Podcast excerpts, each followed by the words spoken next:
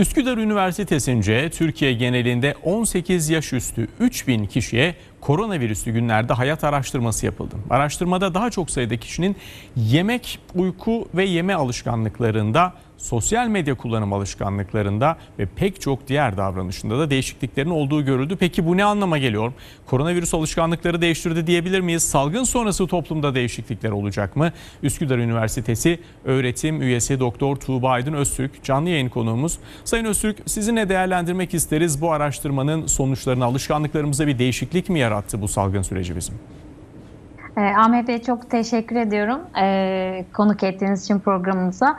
E, evet çalışmamızı 3000 kişiyle gerçekleştirdik ve Nisan ayında bir e, 3-4 gün boyunca devam etti e, bu analizlerimiz. E, özellikle söyleyebileceğimiz sosyal medya konusunda ee, bunun dışında yeme alışkanlıklarımız ve aslında uyku alışkanlıklarımız, uyku düzenimizde çok ciddi e, değişmeler olduğu yönünde belki söylememiz mümkün.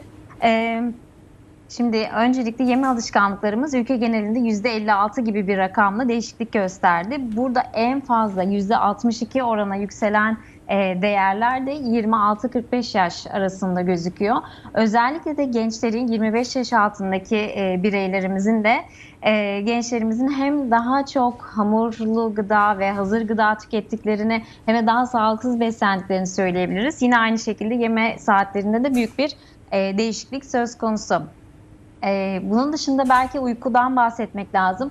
Uykuda geçen süre anlamında çok büyük bir değişiklik yok. Ee, 8 saatten 9 saate çıkmış durumda. Ancak içeriği incelediğimiz zaman yine özellikle genç grup e, başta olmak üzere çalışmayanlar da başta olmak üzere aslında e, rakamlar günde e, uyku düzeninin çok ciddi anlamda e, değişiklik gösterdiğini söylüyor.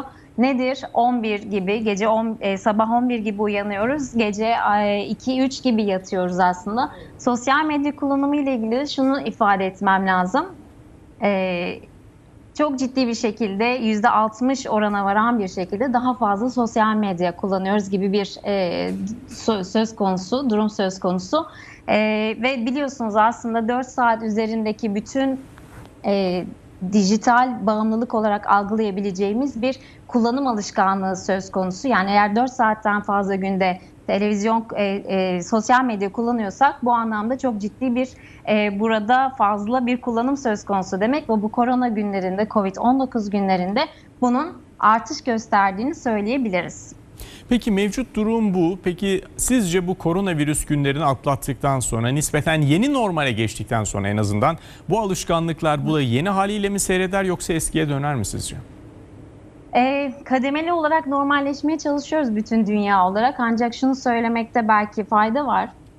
E, ekonomi alanında özellikle sınıfsal bağlamda yani dar gelirli, düşük gelirli insanların da daha fazla olduğu yerde olmak üzere e, tüm sınıflardan A, B, C, D, E e, sınıflarında hepsinin ekonomi anlamında çok olumsuz beklentileri var. %78'e varan. E, bir de diğer önemli e, konu aslında olumsuz olarak ifade edebileceğimiz bir diğer konuda e, halk sağlığı ve psikolojisinin olumsuz yöne gideceği.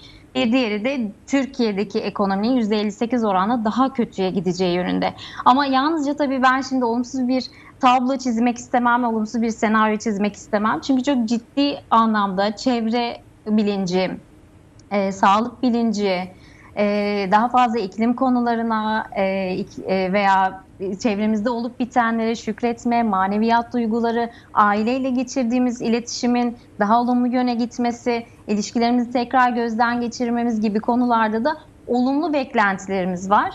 E, bu sebeple bu yeni normale alışmaya çalışırken bir yandan sınıf temelli e, bu ekonomideki gerçekleşecek biliyorsunuz ki bu 1918 İspanyol gribi ve 2008'de gerçekleşen küresel ekonomik krizden sonra daha da yüksek düzeyde bir ekonomik küçülmenin olacağını bekliyoruz. Şu anda bu yaşadığımız pandemi sürecinde e, tüm dünya genelinde %30 gibi bir küçülme bekleniyor ekonomide. Türkiye'de de e, turizm sektörü başta olmak üzere ulaşımda, perakende sektöründe, hizmet sektöründe küçülme bekleniyor. Tabii ki evlerinde duran insanlar yani hangi sosyoekonomik sınıfa dahil olursa olsunlar, hangi cinsiyet e, veya hangi demografik bilgiye e, ait olursa olsunlar bu anlamdaki beklentileri maalesef olumsuz yönde.